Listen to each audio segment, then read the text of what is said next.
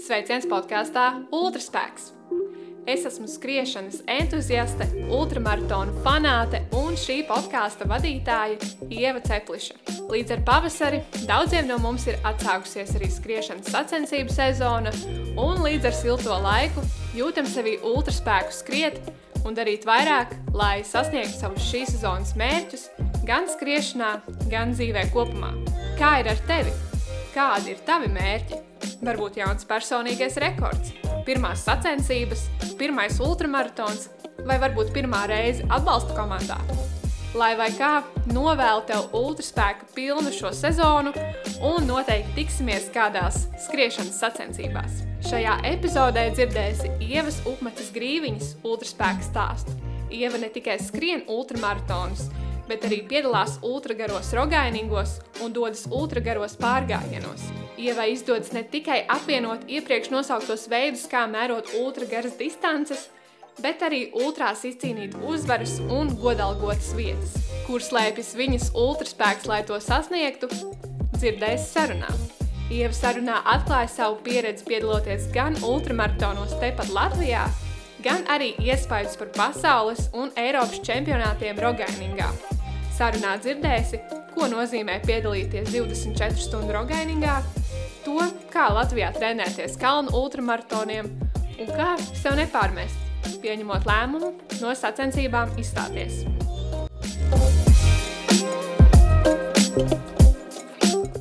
Tagad ir īstais brīdis tev, klausītāji, ievēlēties vēlēšanos, jo pirmo reizi ultraspēka ierakstā ir satikušās divas sievas. Un, kā mēs zinām, ievēloties vēlēšanos starp diviem cilvēkiem ar vienādu vārdu, tā piepildās. Man ir prieks tevi satikt Ieva ultraspēkā. Sveika! Čau! Um, es pieminēju šo te ticējumu.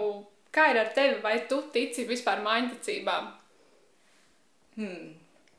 Es, uh, es domāju, ka īsti nē, jo man uh, šķiet, ka es, nu, es mēģinu būt tāds diezgan racionāls cilvēks. Un, uh, tādām kādām maiticībām, vai nu, tur nezinu, kaut kādas laimīgās botas vai pareizais krekliņš, kaut kā, man liekas, īsti neticu. Bet vienlaikus vienmēr ir tāda mazliet sajūta, ka nu, tajā reizē, kad kaut kas ir izdevies, tad nākamajā reizē tu domā, ka hmm, varbūt man tomēr vajadzētu drošības labad uzvilkt. Jo, nu, kā, ja arī tu netici tāpat, nu, vienmēr ir tā iespēja, nu, varbūt tomēr. Bet, uh, jā. Um, vai tev ir kaut kāds rituāls pirms sacensībām, ko tu ievēro? Varbūt? Hmm. Uh, nu īsti, īsti nē, man liekas, man nav tāda konkrēta rituāla. Man ir tā mana viena maiticīgā lieta, man ir manas sacensību matu rote, man ir tādas matu gumija ar uh, puķītēm, un tad, uh, jā, tā ir tā, ko es, man liekas, visās sacensībās uh, iepinu kaut kā matos, ka tā ir, tas ir tas mans mazais rituāls kļuvis. Tāds jau kā tāds sacensību simbols varētu teikt, vai ne? Jā, kaut kā tā. Jā, man liekas, ar šo es esmu runājusi ar daudziem, ka ir, ir kaut kāda lieta, kas liek noskaņoties cilvēkam, un vai tas ir kāds krekliņš vai konkrēti apavi, un tad šī tev tā rota arī vienkārši liek um, saprast, ka ir sacensības, un droši vien tad ir arī tā sajūta pareizā noķert, vai ne? Nu jā, droši vien tā, ka ir kaut kas pie kā pieķerties, kas ir tā kā rūt vienmēr vienāds, jo, nu, kā katrs sacensības jau savādāks, tā gatavošanās kaut kā arī ir savādāka, bet, nu jā, tas ir tas viens kaut kāds konstantais mhm. mazais elements. Jā, un kā sākās tavs ceļš skriešanā vispār? Es braucot šurpu domāju, patiesībā tā kā, nezinu, apmēram sajūta, ka tas, nezinu, diezgan sen, nu tā kaut kā nemanāmi, nezinu, es uh, nebiju nekāds sportiskais bērns vai jaunietis. Un uh, patiesībā man liekas, ka skriet es sāku tikai kaut kādā apmēram 30 gadu vecumā. Un uh, kā tas sākās? Mans uh, dzīves biedrs kaut kur mistiski vienkārši atrada kaut kādu reklāmas video uh, X-reisam, un mēs cilvēki divi, kuriem nu, riteņi bija, lai pārvietotos pa pilsētu bez jebkāda tāda nu, sportiska gara, nolēmām, ka nē, nu, tas izstāsta forši, pamēģinam. Un tad mēs dabūjām komandas biedru, pamēģinājām, protams, nu, sākumā, un tā kā pēc tās pirmās reizes bija āķis lūpā, un tad jau mēs pieteicāmies arī uz citām piedzīvojumu sacensībām. Un uh, sākumā, protams, mēs tur cīnījāmies ar kontrolu laiku un uh, knapi spējām pabeigt vispār uzdevumus. Un tad mēs sapratām, ka nu, būtu forši, ja mēs varētu mazliet labāk izpildīt to visu. Un tad uh, ar to nāca apskaidrība, ka ir varbūt jāsāk skriet, nu, trenēties. Tad mēs, vai īsumā sākumā laikam mēs sapratām, ka varbūt ka vajag labāk iemācīties orientēties, jo tā bija galvenā problēma. Mēs sākām uh, mācīties orientēties, un tad mēs sapratām, ka būtu forši pa to mežu pārvietoties arī mazliet ātrāk. Attiecīgi nācās sākt skriet. Nu, un tad kaut kā tā randumi pamazītiņām kaut kā sanāca. Un uh, īstenībā kādā veidā mēs tikām līdz ultraskriešanai, es pat nezinu. Man liekas, truši, es sapratu laikam kādā brīdī, ka es uh, nemāku skriet ātri, bet es varu skriet ļoti ilgi. Un, uh, tas ir uh, nu, līdz ar to ultradistances man ir ļoti labi piemērots. Vai tu atceries uh, savas pirmās skriešanas sacensības, vai tas bija uzreiz maratons, vai, vai kā tas sākās, vai ar pirmajiem pieciem kilometriem? Mm, man liekas, ka pirmās sacensības pavisam noteikti, droši vien, nu, ja neskaita, nu, tādas tīras skriešanas mm. sacensības noteikti bija Rīgas maratona 5 kilometri, kur es sapratu, ka to es vairs nekad dzīvē nevēlos atkārtot, jo tā tauta masa ir, nu, vienkārši depresīva. Un tad nākamajā gadā, man liekas, es uzreiz pieteicos uz uh, pusmaratonu, tāpēc, ka tad es nolēmu, ka nu, tur būs tā mazāk tās milzīgās uh, tautu masas, vai nu vismaz tur būs cilvēki, kas lielākoties ir atnākuši skriet, nevis uh, tikai pastaigāties. Un, jā, tā kā Rīgas maratons laikam bija pirmās sacensības. Jā, arī pēc 2018. gadā noskrietā Rīgas maratona, kur tev izdevās pirmo reizi noskriet maratonu zem četrām stundām. Tu rakstīji savā Instagramā, ka tomēr tu labāk izvēlējies ultras, kā jau teici, droši vien par to, par to ilgumu. Kad, vai tas ir joprojām tas, kas tev piesaista ultrās vairāk nekā īsākos skrējienos, tas, ka var skriet ilgāk un lēnāk?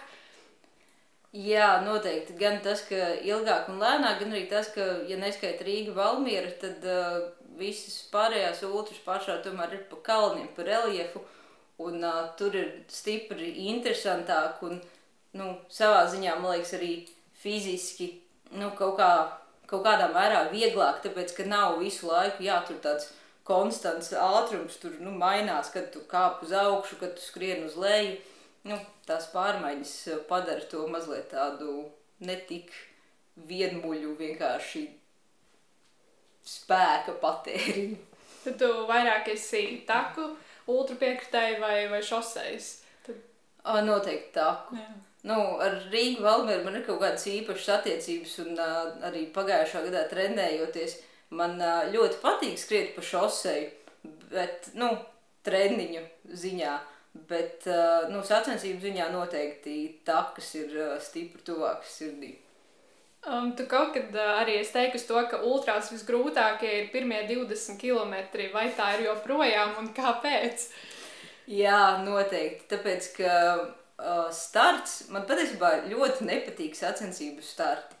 Jo tur ir visi cilvēki ir kopā un visi sāk skriet, un kā likums, nu, vismaz lielākā daļa sāk skriet ātrāk nekā vajag. Nezinu, ko tas bara instinkts droši vien vai kaut kā tā. Līdz ar to starti man vienmēr šķiet tādi stresaini, tāpēc, ka visi aiznesās, un man ir sajūta, ka, nu, tā es tur tāds kaut kāds lēnais divplāksnis kaut ko tur velkos, bet uh, es esmu iemācījusies pa šiem gadiem sev vienmēr atgādināt, ka nekas, nekas skrieniet, Mēs vēl tiksimies pēc kādiem 30, 40 km. Tad, kad jūs tur kaut kur grāmatā gulēsiet, es turpināšu skriet. Tā kā, jā, tas gan nav mainījies, ka tie pirmie 20 km joprojām ir uh, tādi, nu, kuros vajag ļoti sev atgādināt, ka nekas mēs vēl tiksimies. Jā, tas nepārķer to startu atgādināt droši vien arī sev. Sev, ka ir jāpiebremzē, ka vēl liel, liels ceļš, ceļš priekšā, jo es arī vienmēr novēroju to, ka ir tas starta šāviens un visi skrien tajā pašā Rīga Valmiera vēl taču 100, 107 km, bet uh, sajūta, ka tūlīt, tūlīt jau finišs, un manuprāt arī ultrās tas ir ļoti svarīgi, lai atcerēties, ka vēl ir, vēl ir tāls, tāls ceļš priekšā. Uh, jā, un uh, runājot par, par ultramaratoniem, uh, ja es pareizi saprotu, tad tādas pirmās ultras sacensības bija Cēsu ekotrēlā. Oh, jā, un um, šajās sacensībās tu esi uh, divreiz iegūsi arī pirmo vietu. Un, uh, tad man ir jautājums, uh, kā tu plāno šos, te, šos te taku skrējienus, kā tev vispār veikt šajā Cēsu ekotrēla trasē? Um, Cēlus ekotrēls uh, man uh, ļoti patīk. Es tur, uh, man liekas, nezinu, laikam kādas četras reizes uh, šķiet, ka skrējusi. Uh, nu, Cēlus ekotrēls gan arī ir bēdīgi pazīstams ar to, ka tur mēdz būt problēmas ar uh, to, ka pazūd trases marķējums. Man gan par laimi nav nekad uh, gadījies apmaldīties, un uh, man pat ir nācis pa labu tas, ka konkurentus priekšā apmaldās, un uh, tas man dod iespēju mazliet uh, ātrāk izvirzīties viņam pa priekšu. Bet, uh, nu jā, tā kā, nezinu, ir uh, tādas sajūtas, ka tas ir kāds, nu, tāds kā mājas skrējiens, tāpat kā arī Sigūdas uh, kalnu maratons, pa kuru, uh, pa kuru takām sanāk ļoti bieži skriet, tāpat arī uh, cēs pusē gadās gana bieži būt, un, uh, nu, jā, tāpēc varbūt tāda mājas sajūta. Un kā tu, piemēram, dali šo skrējienu kaut kā pa posmiem, vai tu apzinājies tos 80 km vai citreiz vairāk? Uh, kā tu plāno to, kā tu izskriesi šo trasi? Jā, man liekas, ka drīzāk es cenšos uh, jā, koncentrēties nu, uz tiem posmiem, teiksim, vienkārši aizskriet līdz katram kontrolu punktam un uh, nu, tā Teiksim, man katrām sacensībām ir sarakstīts nu, plāns, apmēram, nu, teiksim, arī vai izdomāts, kurā brīdī ir jāēd un kas jāēd, vai nu, jā, kurā brīdī tur kaut kādas sāls tabletes jāpēd un tam līdzīgi. Bet nu, tā principā man liekas, ka es vairāk cenšos nu, domāt tikai par to esošo brīdi un pārāk nedomāt uz priekšu, jo tajā brīdī kad tu sāc domāt par to, cik tev vēl kilometri ir priekšā, nu tas, ja tu aptver pēkšņi, ka, ak, Dievs, man tur, nezinu, vēl jānoskrien 70 km, un tur, nezinu, kaut kas jau mazliet tur sāp, vai, nu, kaut kas liekas neforši, tad, nu, tas rada vienkārši tādu lielāku vēl, nezinu, kaut kādu stresu, un, nezinu, var zust ticība sev, un tāpēc, man liekas, ir labāk vienkārši koncentrēties uz, to brīdi, kas ir, kurā tu esi, un tikai uz nākamo kontrolu punktu, un pēc tam jau atkal vienkārši nākamais kontrolu punkts.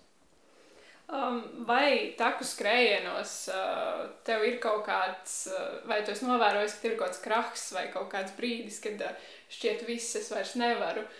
Uh, un, uh, un kas varbūt ir tas tavs ultraspēks, kas tev liek tur, turpināt un saņemties? Es nezinu. Mm Nu, tas jau ir ļoti, man liekas, atkarīgs no katrām konkrētām sacensībām. Ir, tiksim, ir bijušas tādas, kur jau pēc 20 km no 100 šķiet, ka nu, viss, es nesaprotu, ko es te daru. Šī nav mana diena, vispār ir jāmet miers.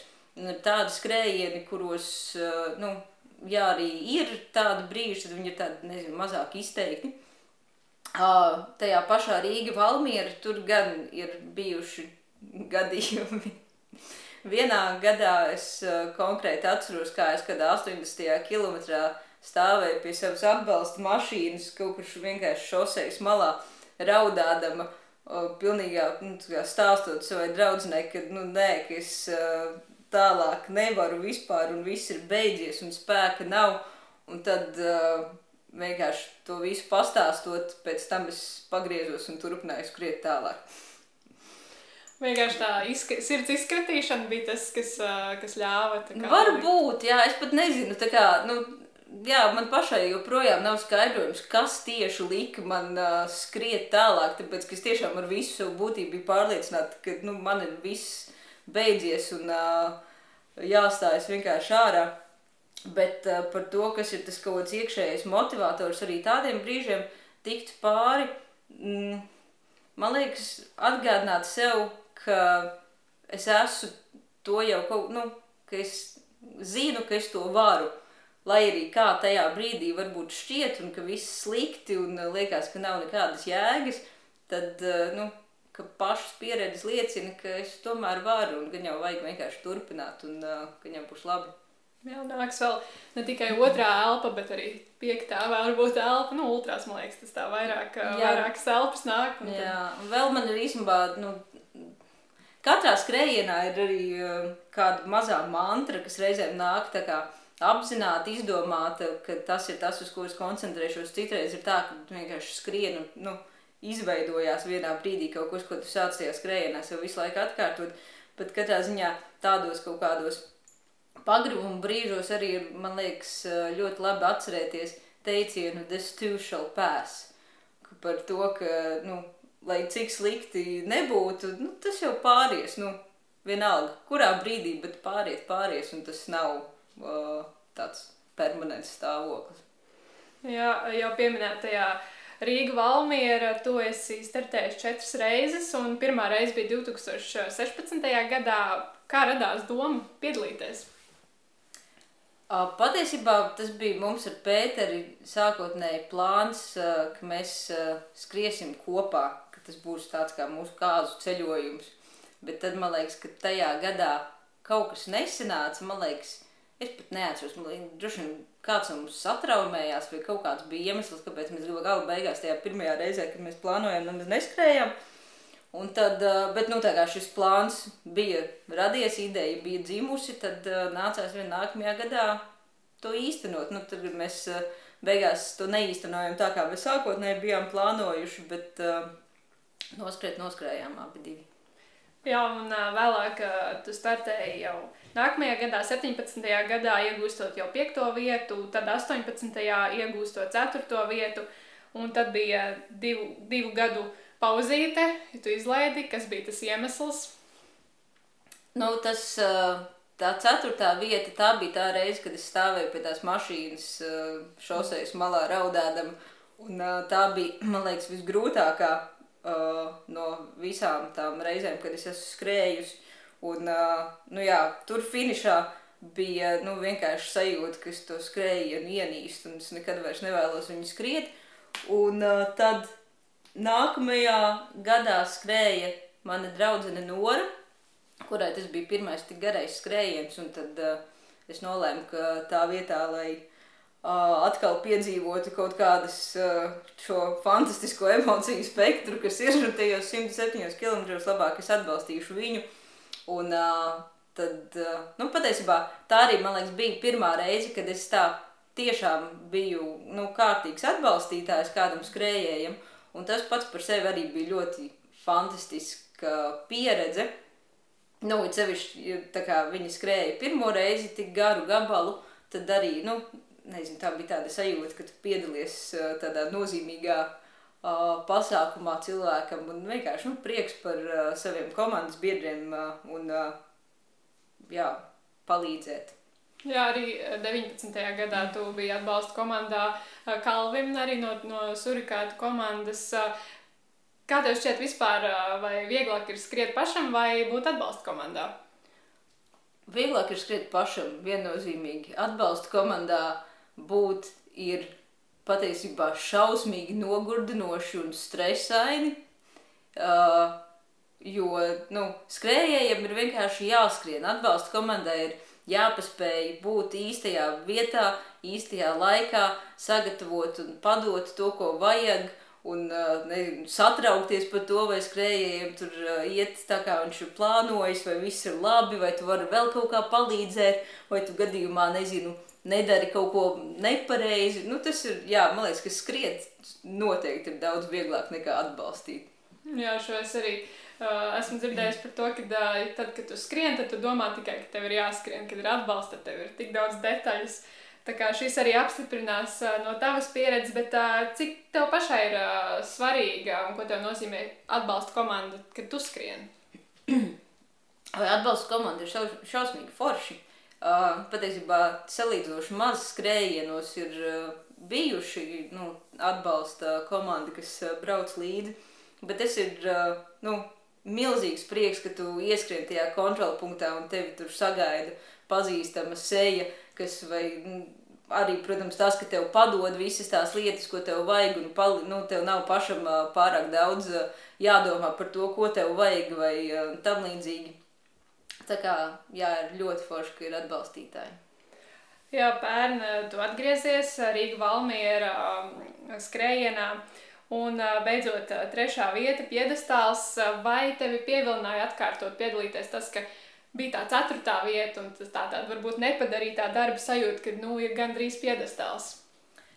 Mm, jā, tā noteikti bija viena no uh, motivējošajām lietām, tas, ka man gribējās kā, tikt uz tā piedestāla. Uh, Uh, un otrs arī nu, apstākļu sakritība savā ziņā ar uh, pandēmiju, kuras dēļ atcēlās uh, visādi citi plāni. Un tad pagājušā pavasarī skrēju supervaroņu backyard ultru, kurā nu, balva bija paredzēta. Balva arī bija dalība Rīga Valmiera. Un uh, backyard ultrā man uh, neizdevās tik, tik tālu, cik man uh, gribējās.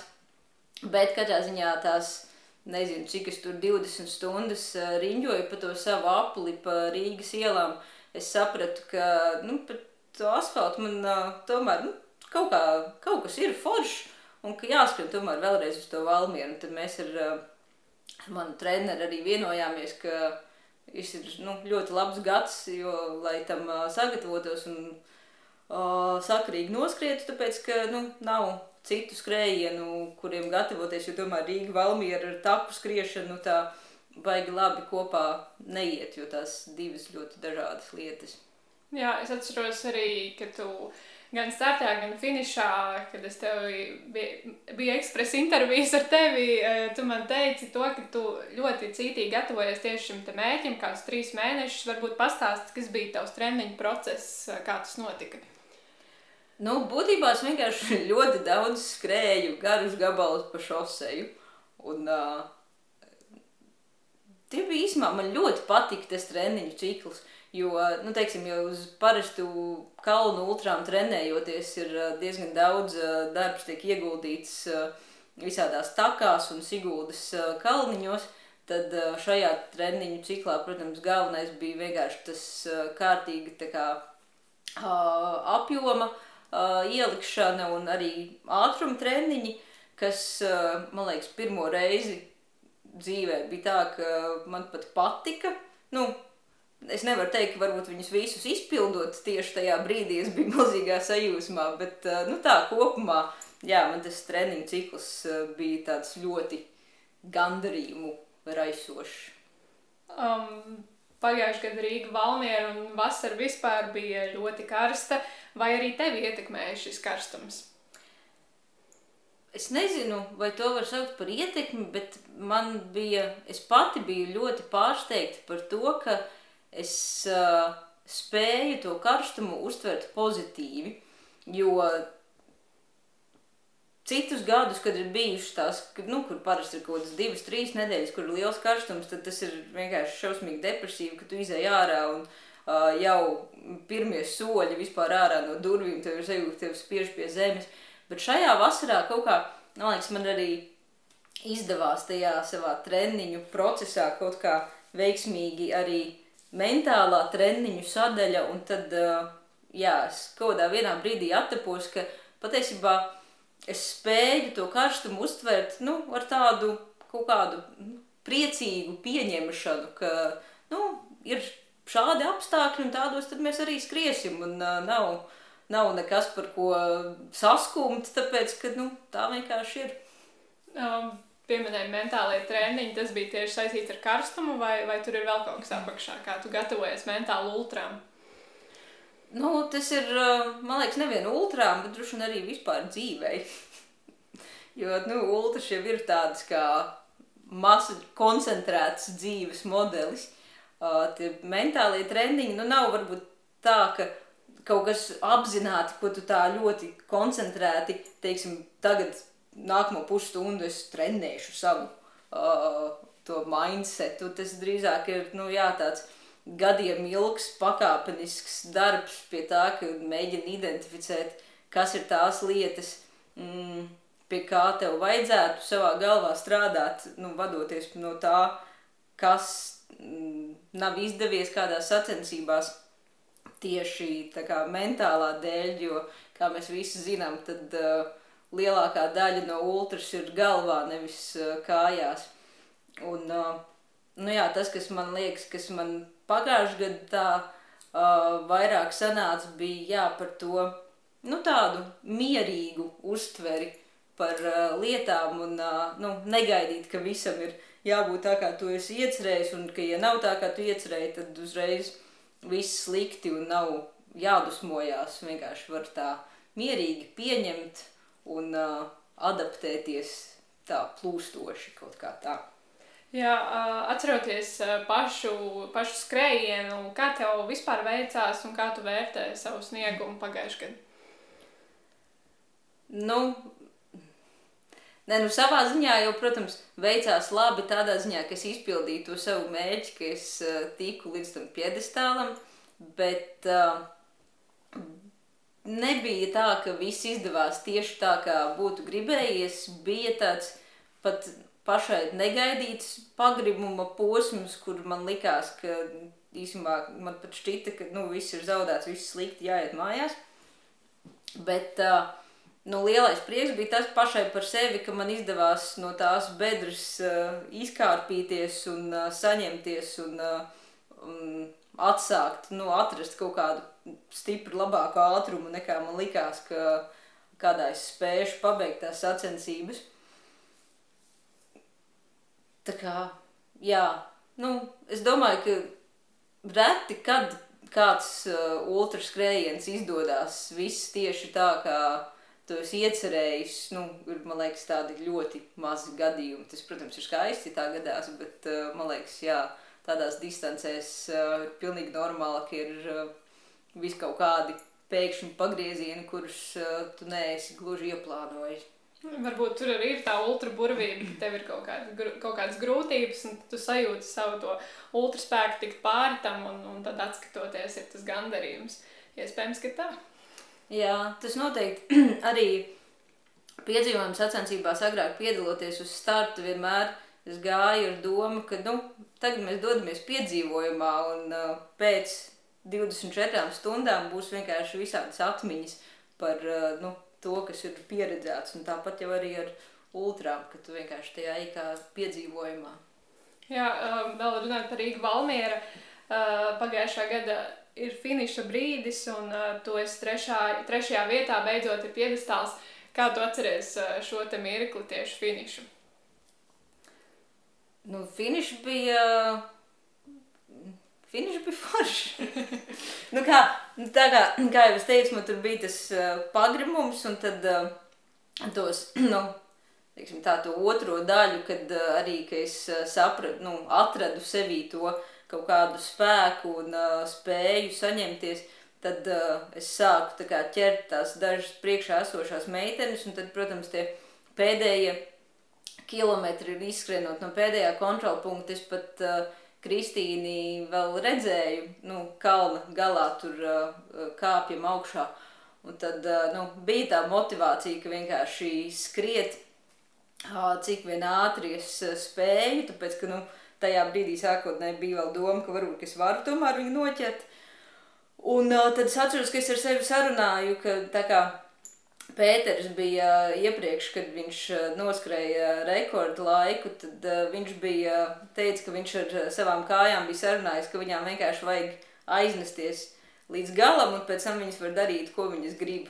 Un tad nu, es kaut kā atcerējos šo viņa stāstīto, un tad apmēram mēģināju to pašu sarunāt ar savu organismu, ka tagad mēs to pēdējo posmu bliežam ārā viss, kas ir, un pēc tam jau, nu, pēc tam var darīt, ko tu gribi. Jā, tieši runājot par to, arī Kristīna tieši motivēja saņemties un skriet tas, ka tu viņai dzenies no aizmugures, viņa saka, visu laiku skatījās pār plecu, vai tikai tu neskrien, vai, vai, vai kaut kā. Un jā, un arī tad beigu galā ir mazliet vairāk nekā četras minūtes jūs šķīra. Kā tev šķiet, vai tu tagad apzinoties, ka, ka tā notika, būtu vēl kaut ko darījusi citādāk, vai tomēr tas bija tas maksimums, ko tu varēji izspiest no sevis, ka tev bija ļoti tuvu tā otrā vieta? Droši vien būtu palīdzējis, ja tur nebūtu bijis tas pagribums tur pa vidu. Nu, tas, es domāju, bija tas izšķirošais uh, Mm, bet nu, tā, tās, nu, tajā pēdējā posmā, vai nu, vismaz tajā posmā, kurā es uh, centos skriet, uh, cik es spēju, es domāju, ka tur droši vien neko vairāk es uh, nebūtu varējusi izdarīt. Um, es atceros, ka viena no pirmajām lietām, ko tu teici finišā, bija, uh, ja tas ir izdarīts, uh, man vairs nebūs jāskrien šis skrējiens. Uh, tagad ir pagājis kāds laiks, uh, kā ir tagad, un vai būs atgriešanās.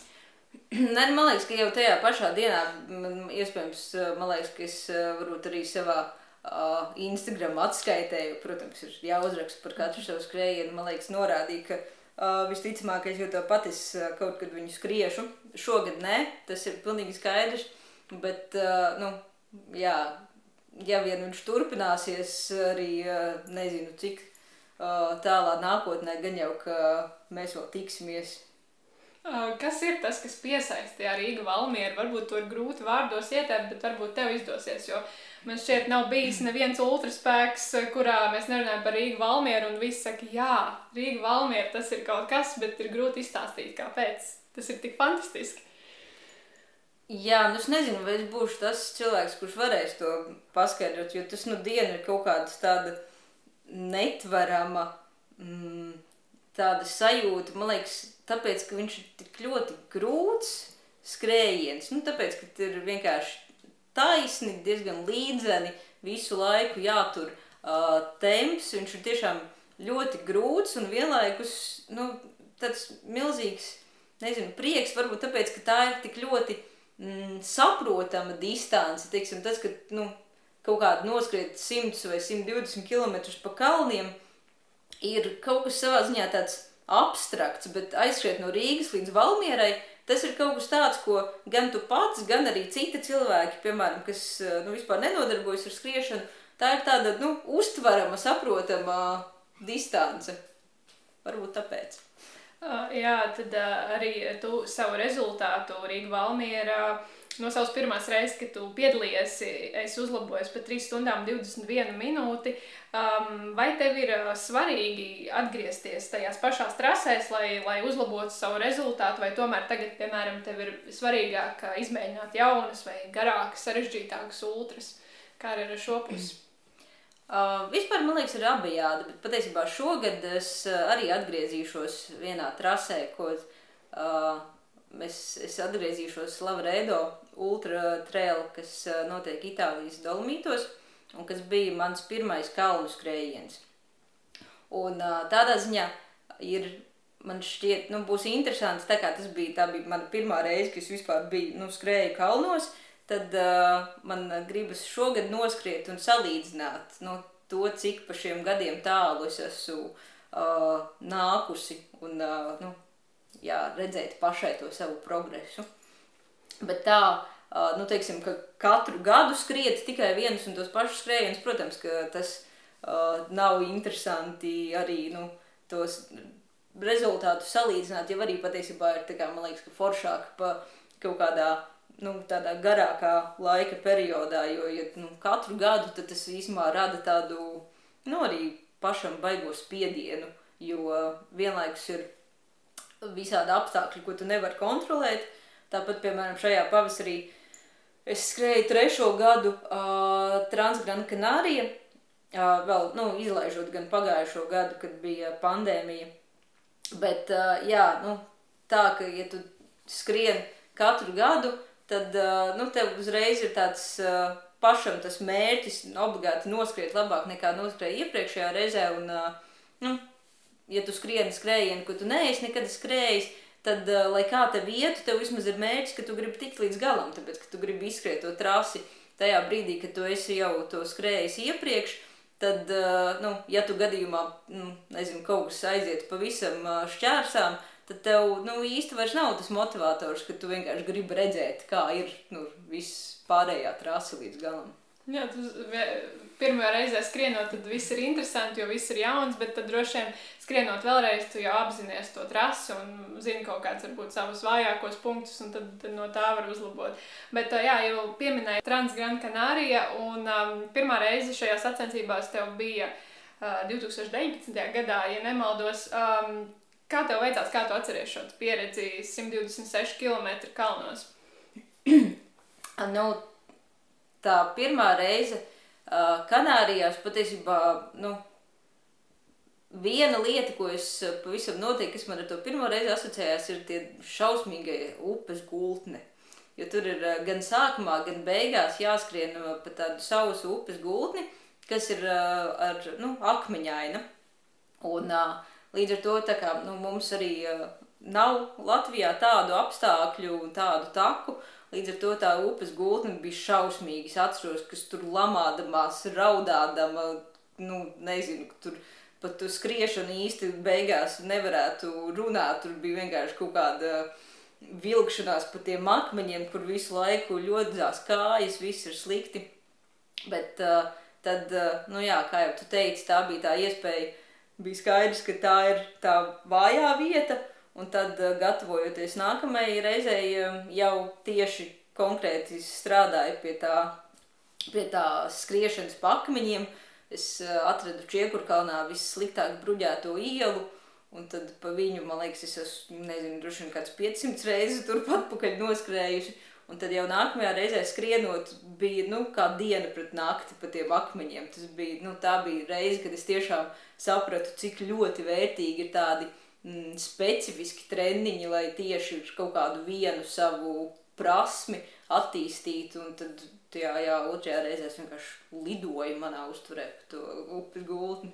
Jā, um, runājot par trenēšanos, vispār uh, cik grūti Latvijā ir sagatavoties tādiem, tādām kalnu skrējieniem, kalnu ultrām? Nu, viennozīmīgi dzīvojot kaut kādā vietā, kur ir uh, lielāki kalni, tas noteikti ir daudz vieglāk. Uh, mums nu, jā, ir jābūt uh, radošiem.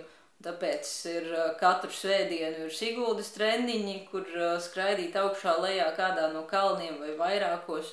Vai nu, pa nedēļu var arī tepat kaut kur biķerniekos, kādā paugurā vienkārši skraidīt augšā lejā vai nu, par tiem pašiem uh, bruģētajām ieliņām, par tiem akmeņu uh, skraidīšanu kaut kā attīstīt. Bet nu, tāpat kā arī šajā gadā Kanārijās man nācās konstatēt, ir tomēr kaut kādas lietas, kuras, uh, lai cik radoši mēs būtu, diemžēl mēs Latvijā nevaram sev radīt nu, to imitāciju. Jo, piemēram, šogad Kanārijās bija ļoti slikti laikapstākļi, lija lietus un tās akmeņainās takas visas bija klātas ar vairākiem centimetriem dubļu. Un, ja tu vari iemācīties skriet pa akmeņiem, tad, diemžēl, tā kā, nu, pa tādām takām specifiskos laikapstākļos pie mums mēs nevaram īsti iemācīties. Uh, jā, tieši runājot par šīm sacensībām, uh, šogad šīs sacensības ievilka, teikt, jaunu ierakstu savā skriešanas vēsturē ar pirmo DNF, ja nesasniegto finišu, bet ar tādu apzinīgu pieņemtu lēmumu. Uh, mm, izstāties, kas notika, tie bija šie laika apstākļi vai, vai vēl kādi faktori ietekmēja šo lēmumu pieņemšanu?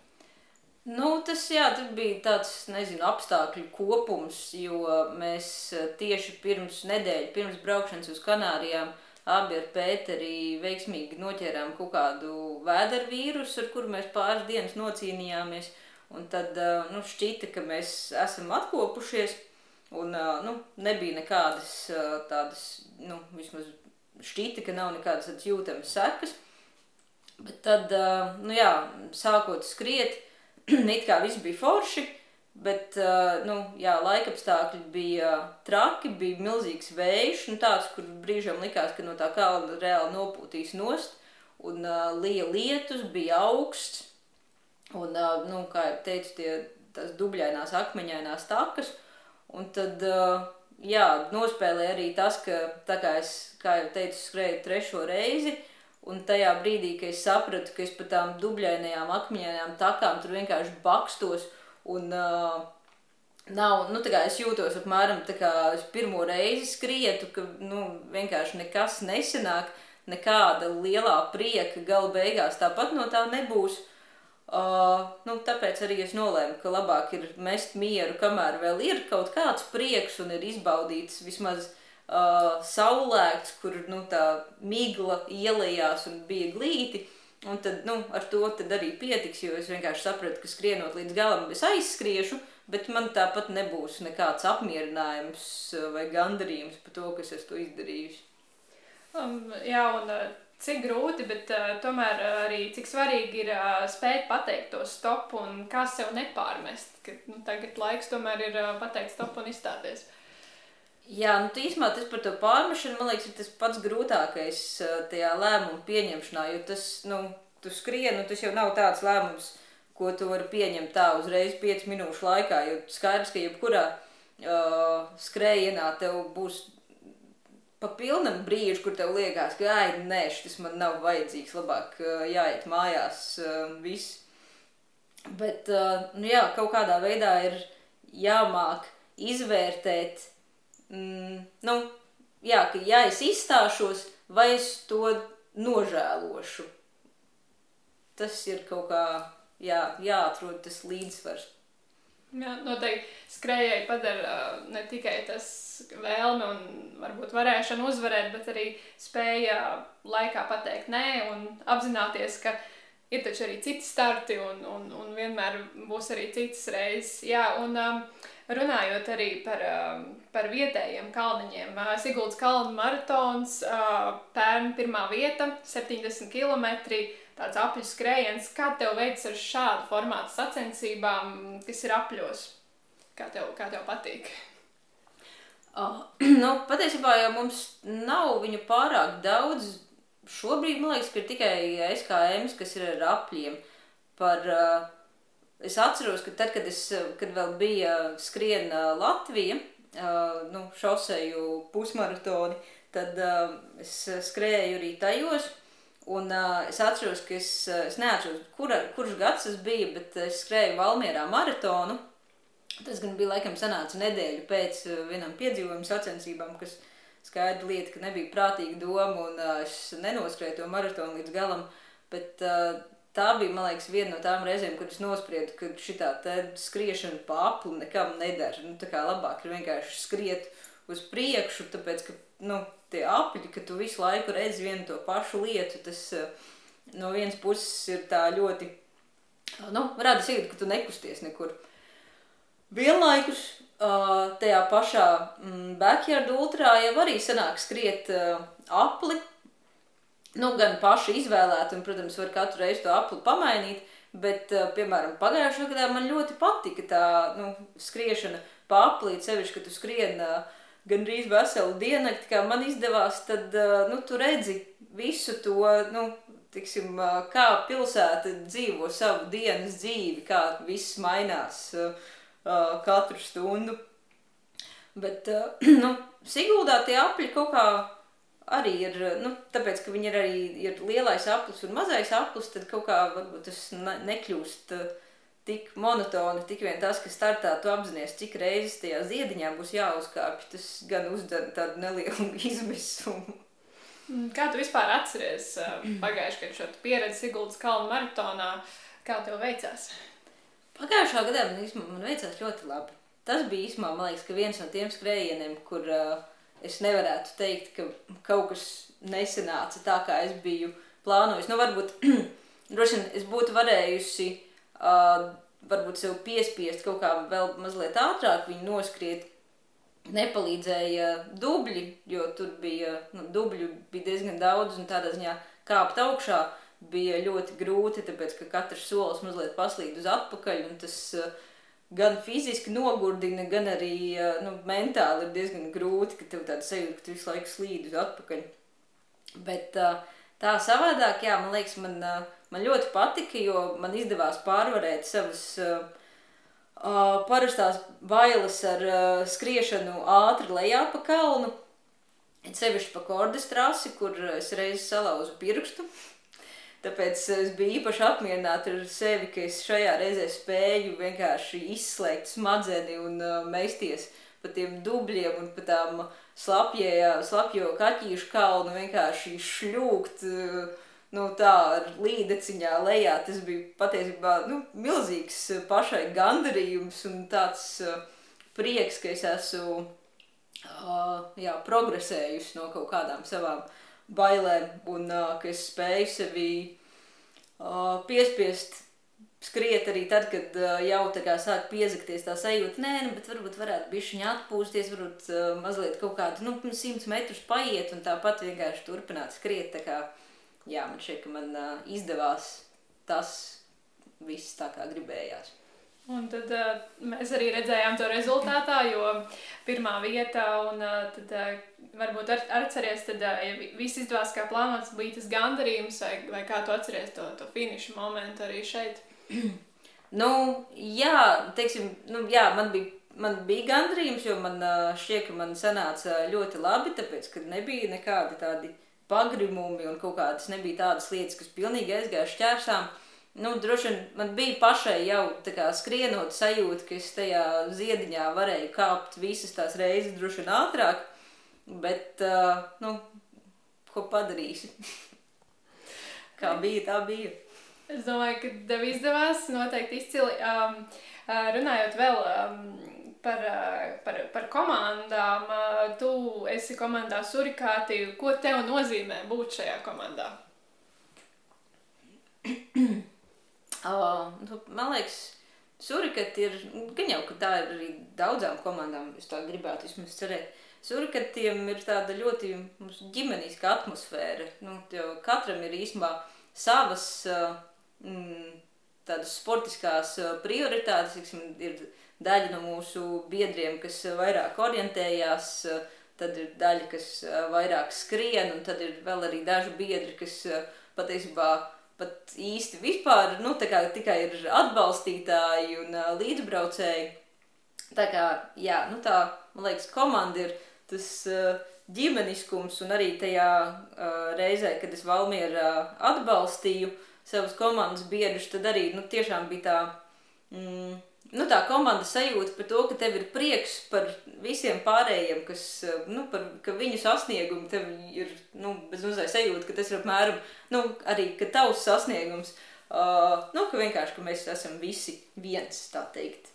Man liekas, tā ir viena no fantastiskākajām sajūtām, kad atbalsta komandā esi un uh, sasniedz tavs, ko tu atbalsti, to, ko viņš vēlējās. Man liekas, bez uzvārda tāds sajūta, ka uh, tu uzvarēji, vai nu, pat vienalga, nu, to mērķi sasniedz tādu pašu, manuprāt, tiešām viena no fantastiskākajām sajūtām.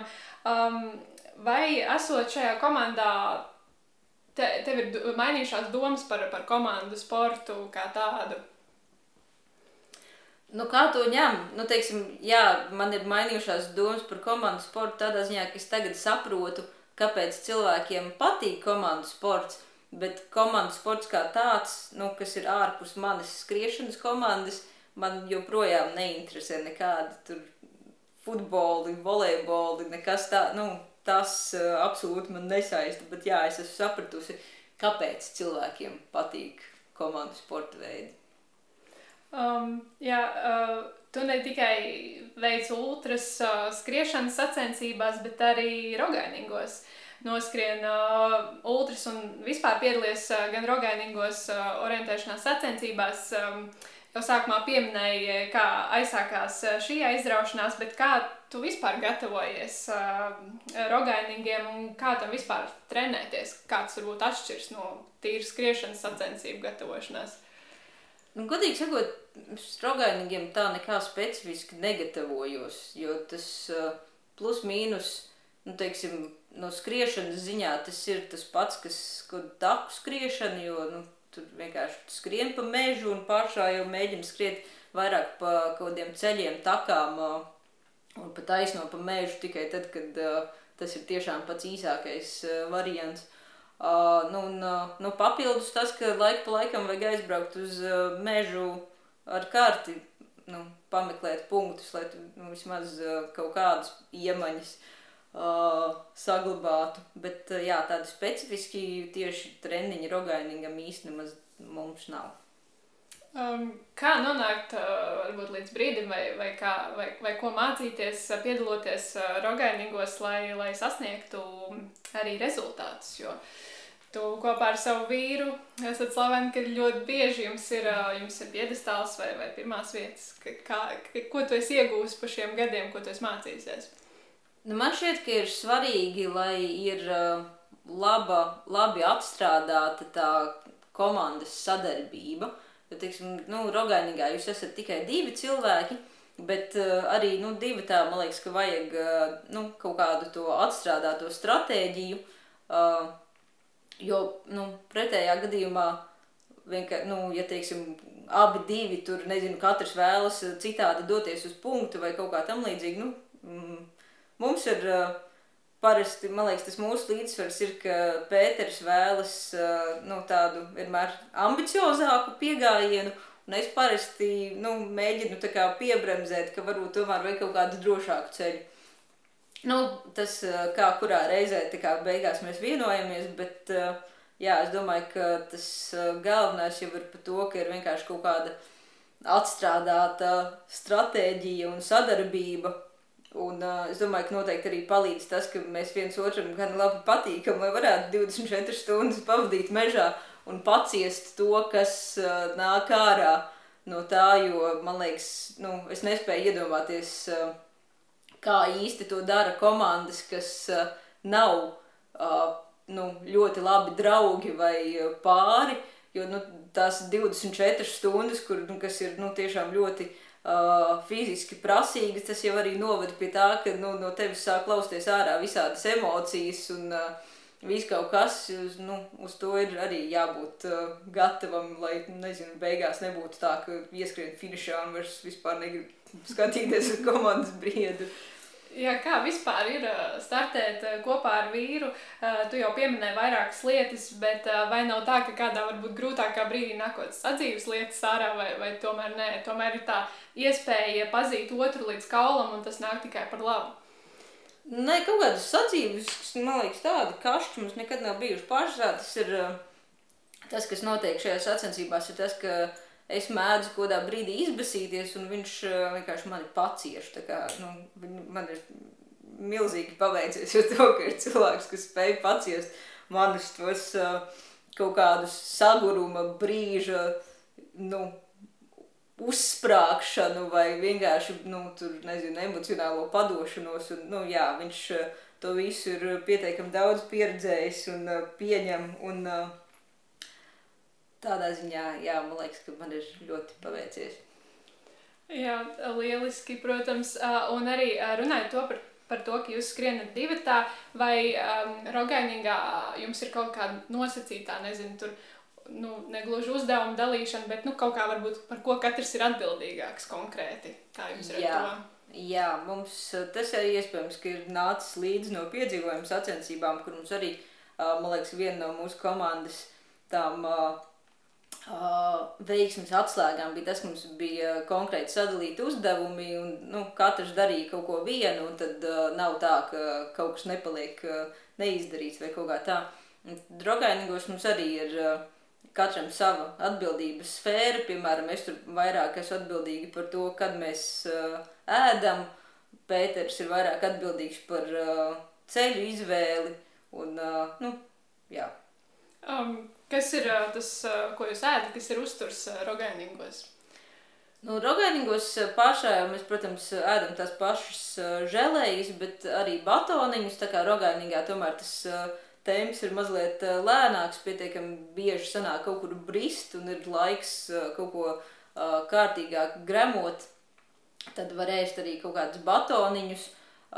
Mums vienmēr ir līdzi arī maizītes kaut kādām, man liekas, vismaz vienai, divām tādām uh, mazliet garākām pauzītēm, kur mēs tā kā kārtīgi nu, tā kā piesēžamies, vienkārši mierīgi apēdam tās maizītes un tad uh, var bliest tālāk. Uh. Ko vispār nu, cilvēki prasa piedalīties 24 stundu rogainīgā? Varbūt tu vari raksturot, kā tas notiek. Nu, ir jābūt gatavam uz visu. Jo, nu, tas, nu, jā, tāpat kā ultrās arī Rogainīgā nu, 24 stundās tur uh, notiks uh, viss kaut kas, un tas, ka tu esi izplānojis kaut kādu konkrētu to maršrutu, uh, nu, galīgi nav teikts, ka tev izdosies viņu īstenot, varbūt gan, ka, piemēram, kartē ir, uh, nav uzrādīts, ka ir mežs aplūdis un tev būs stunda jāstaigā pa ūdeni līdz ceļiem, kāpjot pāri sakritušiem kokiem, uh, vai nu, līdz ar to varbūt jāmaina uh, sākotnēji izplānotais maršruts vai uh, nu, vai arī, piemēram, uh, komandas biedrs pa priekšu skrienot pārskrien pāri zemes bišu pūznim, un tad uh, viņas metās tev virsū, kas ir uh, nu, arī tāds neplānots piedzīvojums. Tā kā jā, ir vienkārši jābūt gatavam, ka var notikt viss. Un, uh, piemēram, cilvēks, kurš uh, izdomājis tikko sākt un piedalīties 24 stundu sacensībās, ko tu ieteiktu pirms tam, vai, vai patrenēties skriešanā, vai vispār orientēšanās sacensības pamēģināt? Ko vajag pirms tam darīt, pirms piedalīties 24 stundu rogēningā? Nu, viennozīmīgi orientēšanās noteikti palīdz. Jo kā, nu, ir foršāk, ja tu tās 24 stundas nepavadīji izmisīgi meklējot, kur tu īsti atrodies. Par uh, skriešanu tas ir patiesībā nu, atkarīgs no tā, kāds ir mērķis. Jo, teiksim, nu, mēs, protams, piedalāmies uh, garajos rogainingos ar uh, nu, konkrētu mērķi, ka mēs gribam sasniegt uh, labāko rezultātu, ko mēs spējam. Bet tikpat labi rogainingos ļoti daudz cilvēku arī piedalās. Nu, tādā piedzīvojumā un nemaz neskrien un vienkārši uh, 24 stundas ir pietiekami garš laiks, ka tu vari arī neskrienot mierīgi ejot, apstaigāt uh, gana daudz punktus. Ir arī komandas, piemēram, kas uh, pa vidam uh, atgriežas sacensību centrā un pat pāris stundiņas pa nakti paguļ un tad vienkārši dodās uh, nu, tādā otrajā aplī. Tā kā patiesībā, nu, ja mērķis ir pavadīt aizraujoši 24 stundas mežā, tad galvenais, pirmais būtu mācīt lasīt karti, un tā skriešana jau ir tāda sekundāra, ja tev liekas, ka gribās to rezultātu, tad var sākt skriet. Jā, uh, tu piedalīties ar Pēteri, jums ir svarīgs šis rezultāts. Uh, Ko jūs darāt pirms šīm sacensībām, vai iepriekšējā vakarā ir kaut kāda stratēģijas plānošana vai pārunāšana, kas notiek pirms?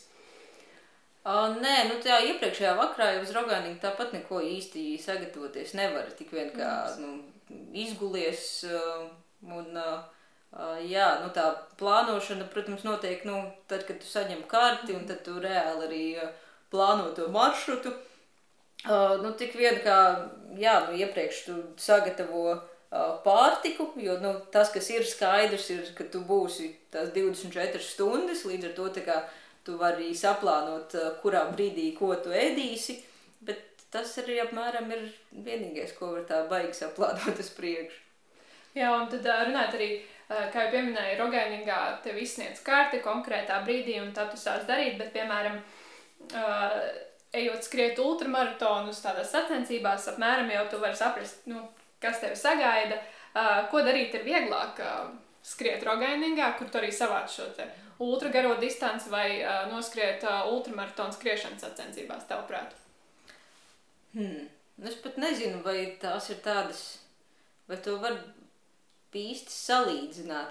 Teiksim, nu jā, ultra ir tādā ziņā paredzamāka, jo tu zini, ka tu skriesi nu, lielākoties tu skriesi pa kaut kādām takām vai ceļiem.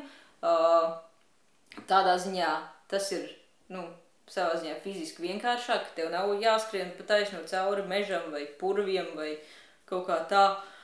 Un tu zini, nu, ka tev vienkārši jāsako trases marķējumam, tādā ziņā tev nav baigi jāiesprings. Nu, Rogānīgā, protams, uh, tu pats esi atbildīgs par to, kur tu izvēlies iet, un uh, tur, nu, tas pats segums var būt vis visāds. Tur var būt uh, ceļi, takas, uh, vienkārši mežs.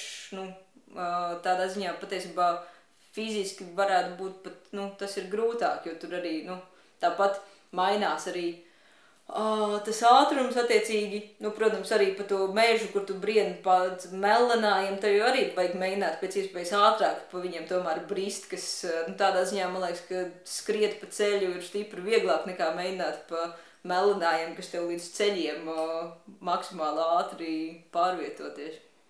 Um, droši vien uh, katrs rogainīgs ir kā vesels piedzīvojums, bet uh, varbūt tev ir kaut kāds spilgts piedzīvojums, ko tu atceries no kādām sacensībām, vai kaut kas, kas ir interesants noticis, kas tev palicis atmiņā.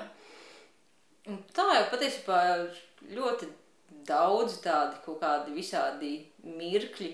Es patiesībā es apbrīnoju tos cilvēkus, kas var, piemēram, pēc sacensībām ļoti detalizēti uzrakstīt nu, tādu aprakstu par to nu, no sākuma līdz beigām, kā tur viss kaut kas, un tad notika tas un tas un tas.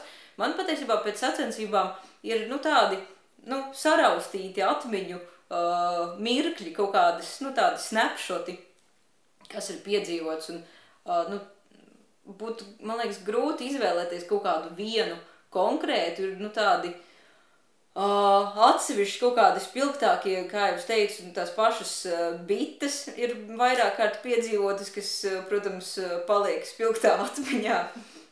Uh, tāpat uh, pirms uh, dažiem gadiem bija, mēs skrējām uh, Spānijā vienas sacensības, kur uh, bija uh, nu, zināms, ka tur uz beigām ir tāda nu, tehniska vieta, kur bija nu, klints un uh, troses, Un uh, pat arī nu, ir organizatori nolikts sargs, nu, kas tur uzrauga, nu, palīdz cilvēkiem un tā, un tur nu, uzrauga, lai nekas nenoiet greizi.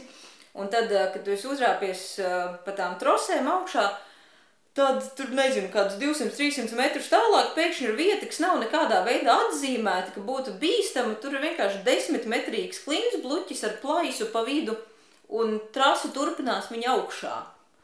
Un, uh, nu, jā, nu, pēc, nu, tas ir pilnīgi normāli. Un tad uh, nu, man ir bailes no augstuma.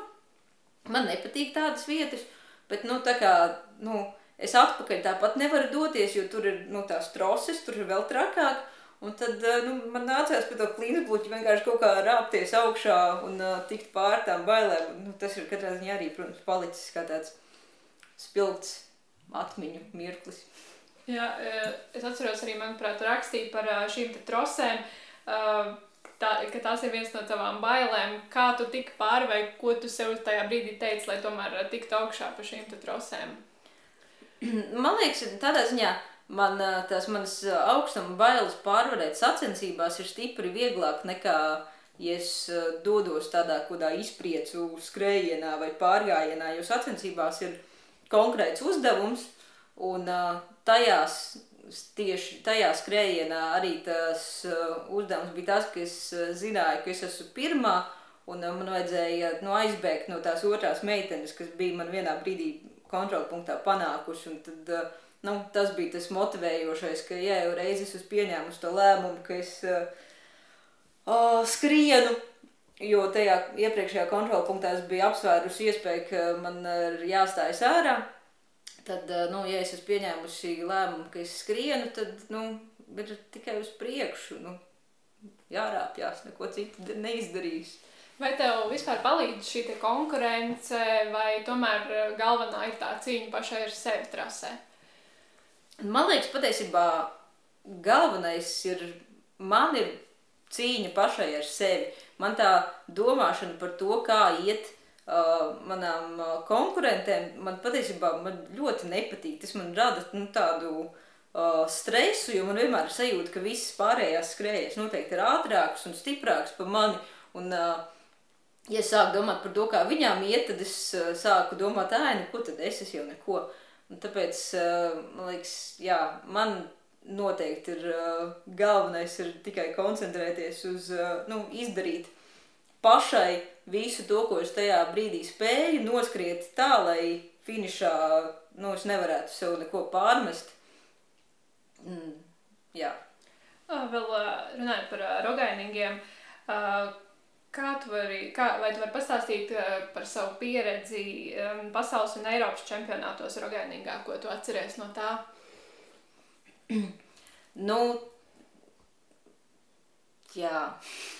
Tas, protams, man liekas, par nu, galvenais, galvenā tā pieredze ir par to, ka nu, tas ir pilnīgi savādāk parasti nekā ir mūsu meži, jo, uh, nu, teiksim, mēs bijām pasaules čempionātā Somijā, mm, aiz polārā loka, kur uh, bija tādi uh, lieli, lēzeni kalni, uh, bez īpaši, nu, ar tikai tādiem kaut kādiem maziem krūmiem, kas bija nu, tā, pilnīgi pretstats nu, mūsu pierastajiem mežiem, vai tad, piemēram, Čehijā bija Eiropas čempionāts, kur savukārt meži kā meži, bet uh, pilni ar akmeņiem un uh, stāviem kalniem. Un, uh, nu, jā, tā jau ir uh, katru reizi tās, tā vieta ir pilnīgi savādāka un uh, pilnīgi atšķirīga no tā, ko, kas uh, mums ir uh, ierasts. Uh, tā kā, nu, tādā ziņā ir gan interesanti, gan arī izaicinoši, ka tu īstenībā nezini, ar ko tu kā, saskarsies.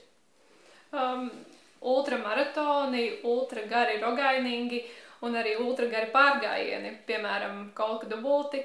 Um, Kā tev patīk piedalīties um, pārgājienos, kad ir jāiet? Um, tas droši vien atšķiras ar to, ka, piemēram, distance tu uh, ilgāk uz kājām esi, šis laiks paiet. Uh, kā tev vispār patīk iet pārgājienos un, un, kā, un kāpēc tu piedalies šādos pārgājienos? Pārgājieni forši, tāpēc mēs jau tur mm, vienmēr ejam ar uh, saviem, nu, saviem draugiem, savas komandas ietvaros. Un, uh, jā, nu, pārgājiens ir foršs tādā ziņā, ka pārgājienā ja tev nav nekāds, uh, nu, tev nav nekāds tur rezultāts vai kaut kāds ātrums, jā, tur, nu, tu ej kā tu ej, tu runājies ar draugiem, tu skaties apkārt, nu, tas ir tāds tīri izklaides pasākums kas uh, nu, gan kolku dubultu gadījumā, protams, uh, var gadīties, ka tev sabērž kājas kārtīgi, līdz ar to nu, tur varbūt parādās arī mazliet tas uh, ultru uh, rakstura izaicinājums par to, ka, nu, ka tev, nezinu, kaut kas sāp un berž un tāpat tās uh, jāturpina. Bet, jā, tā savādāk pārgājiena ir, nu, tāds, man liekas, tīri izpriec pasākums. Tik vien tas, ka man ir ļoti žēl, ka mums atšķirībā no kaut kādām, nezinu, piemēram, Skandināvijas valstīm, mums nav pārāk daudz, nu, tādu uh, taku, kur tu vari, nu, tā ar pārliecību iet pārgājienā, ka tu neuzrausies uz kaut kādiem nepiesietiem suņiem, kaut kādām govju ganībām, jo mēs vienu brīdi, kad mēs diezgan daudz gājām mm, pārgājienos, mēs ņemam līdzi arī savu suni. Un kā mēs uzzinājām, tad izrādās govis pret suņiem ir noskaņots visnotaļ naidīgi, un mums ir bijuši pāris tādi nu, nepatīkami piedzīvojumi, kur govis mēģina nākt virsū, un kā, nu, viņu mērķis ir bradāt to suni. Tā kā, nu jā, Latvijā, ejot pārgājienā kaut kur, uh, ir, nu, ir jābaidās par to, ka tu nonāksi pie kaut kādām mājām vai, nu, ka tev būs kaut kādi tādi nepatīkami piedzīvojumi tā vietā, lai tu varētu vienkārši izbaudīt to gājienu pa dabu. Jā, um, tad, kā jau šajā sarunā mēs noskaidrojām, tu veic ultradistances šādos dažādos um, veidos, gan rogainīgos, gan skrienot, gan ejot pārgājienos. Um, kā tu to apvieno vispār un uh, kā, kas tev palīdz varbūt sagatavoties, uh, lai ne tikai finišētu, bet arī uh, iegūtu konkrētas vietas? nu, es nezinu, galvenais ir treniņu un disciplīna.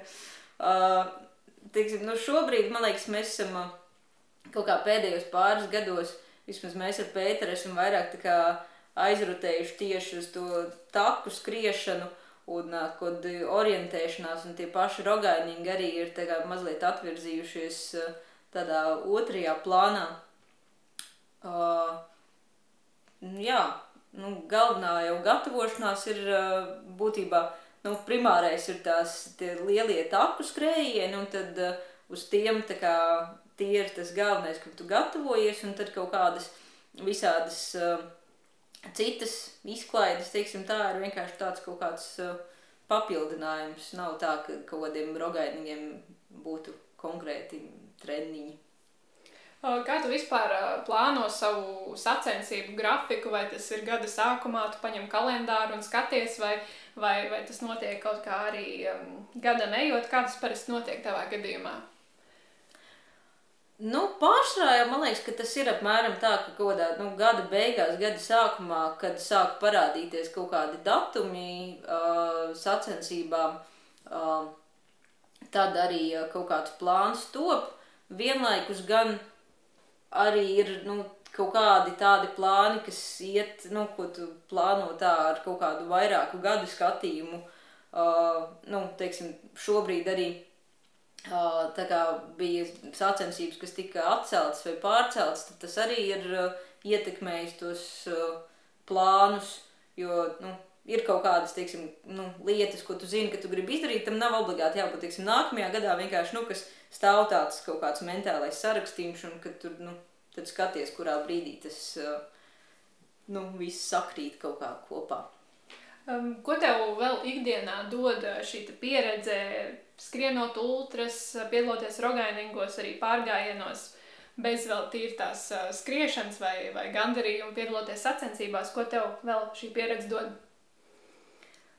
nu, laikam jau to, nu, jā, to pārliecību par to, ka, lai cik draņķīgi kaut kāds brīdis nebūtu, ka, nu, tas pāries un tu vari. Nu, tādā ziņā arī, piemēram, ja darbā kaut kādi ļoti lieli projekti, uh, tad uh, ir, nu, pat ja tev liekas, ka, nu, nē, tas taču tik šausmīgi daudz, es nezinu, kā es to visu izdarīšu, kā es to uh, kā, laikā paspēšu, tad nu, jā, tā ultra pieredze kaut kā iesēja to kaut kādu pārliecību par to, ka nu, nē, nē, nu, maziem solīšiem un kā, nu, viss ir izdarāms. Iegūst, iegūst savu ultraspēku ne tikai skriet, bet arī paveikt uh, jebko citu, vai ne? -hmm. um, varbūt var arī mazliet atklāt par to, kādi ir tavi tālākie plāni varbūt šajā sacensību sezonā. Nu, šajā sacensību sezonā ir, eh, kā jau teicu, Jāņos es skriešu Lavarēdo. Un uh, tad uh, augustā es beidzot, beidzot uh, skriešu Šamonīs, skriešu CCC. Uh, kas man tāda sajūta apmēram, ka nu, kā, tur jau viss ir skrējuši un beidzot ir arī mani kārta. Un, nu, tie ir kā, tie galvenie, lielie plāni, un tad nu, pa vidam gan jau vēl kaut kādi, nu, gan noteikti visā stirnu buki, būs un kaut kādas orientēšanās, būs orientēšanās stafete Somijā, uz kuru mēs kā komanda brauksim jau šķiet ceturto reizi. Tā kā arī tas būs nu, tāds interesants piedzīvojums. Um, viena no lietām, uh, kas skrienot motivē, ir mūzika. Kā ir ar tevi? Vai tu bieži klausies mūziku skrienot, un vai tā tevi motivē? Jā, es, man bija viens posms, kad es skrēju neklausoties mūziku, bet tad tas pārgājums uh, tagad gandrīz vienmēr skrienot klausos mūziku. Tas noteikti palīdz sevišķi, uh, nu, ja nav, piemēram, tev uzreiz ejot ārā pa durvīm tādas baigā motivācija, tad mūzika mēdz būt tas, kas tiešām kārtīgi tā kā pavelk un nu, ļoti palīdz. Jā, tāpēc, lai arī klausītāji būtu iedvesmoti un varbūt kādā brīdī, kad ir, ir vajadzīgs kāds ārējais ultraspēks, tad um, es veidoju ultraspēku playlisti, kas jau pavisam drīz pēc šīs epizodes arī būs gaisā, kur sastājas dziesmas, ko iesaka ultraspēka viesi. Un vēlos arī uzzināt tavu ultraspēku dziesmu. Jā, uz šo man atbildi ir pavisam skaidra. Mana ultra dziesma ir ballējuma neguļam. Jo es uh, neatceros, kurā gadā, laikam, 17, 18 bija valkā neiespējamais skrējiens, kas gan arī, starp citu, bija pa aplī. Un uh, tur bija, man šķiet, ka kādā pēdējā aplī uh, sniegas sniegs, bija vējš, bija kārtīgi reizi viss slikti, un man sāka austiņās skanēt ballējam, neguļam, ko es pat neatceros, ka es viņu būtu likusi kaut kādā savā playlistē, jo tā galīgi nav tā uh, mūzika, ko es regulāri klausītos. Bet uh, tajā brīdī es pēkšņi sapratu, ka tā ir vienkārši ideāla skriešanas dziesma, jo viņai ir nu, lielisks ritms, kaut kā kaut ļoti labi palīdz samotivēties. Viņa ir gana muļķīga, lai būtu arī nu, tāda izklaidējoša un kopš tās reizes es sapratu, ka jā, tā ir tā mana dziesma, kur tad, kad vajag kārtīgu motivāciju, tad man ir ballējumi neguļam, es esmu arī uh, viņu klausījusies skrienot vienkārši uz apli, nu tā kā stundām ilgi tā, ka pēc tam viņa dienām ilgi skan galvā, bet uh, jā, tā ir mana dziesma. Un es arī kaut kad pat vienā garajā skrējienā nolēmu, ka man ir jānoklausās viss tas uh, albums, no kur ir šī dziesma. Lielisks skriešanas albums. Iesaku muzikālā kvalitāte droši vien varbūt nav tas, nu, tāds uh, pats labākā, pat labākā mūzika, ko klausīties, bet priekš skriešanas ļoti labi. Jā, sveiciens Bērnu divstūrim. Un uh, man šķiet vispār ir interesanti, ka dziesmas, kad uh, mēs skrienam, viņas skan kaut kā citādāk. Un varbūt pat dziesma, kas uh, ikdienā uh, tā, tā, tad skrienot, varbūt tā īstā. Tā kā lieku iekšā balējam neguļam, jau es tev novēlu, lai tev vispār vienmēr balējam neguļam garstāvoklis, gan, gan skriešanā, gan visur, visos tavos mērķos. Novēlu, lai tev ir panākumi un izdodas sasniegt visu to, ko tu esi paredzējis gan šajā skriešanas sezonā, gan arī turpmāk. Un lai vienmēr atrodas tā pareizā mantra, ko, ko skaitīt, ko, ko atcerēties brīžos, kad ir nepieciešams ultraspēks un liels paldies par sarunu! Paldies tev!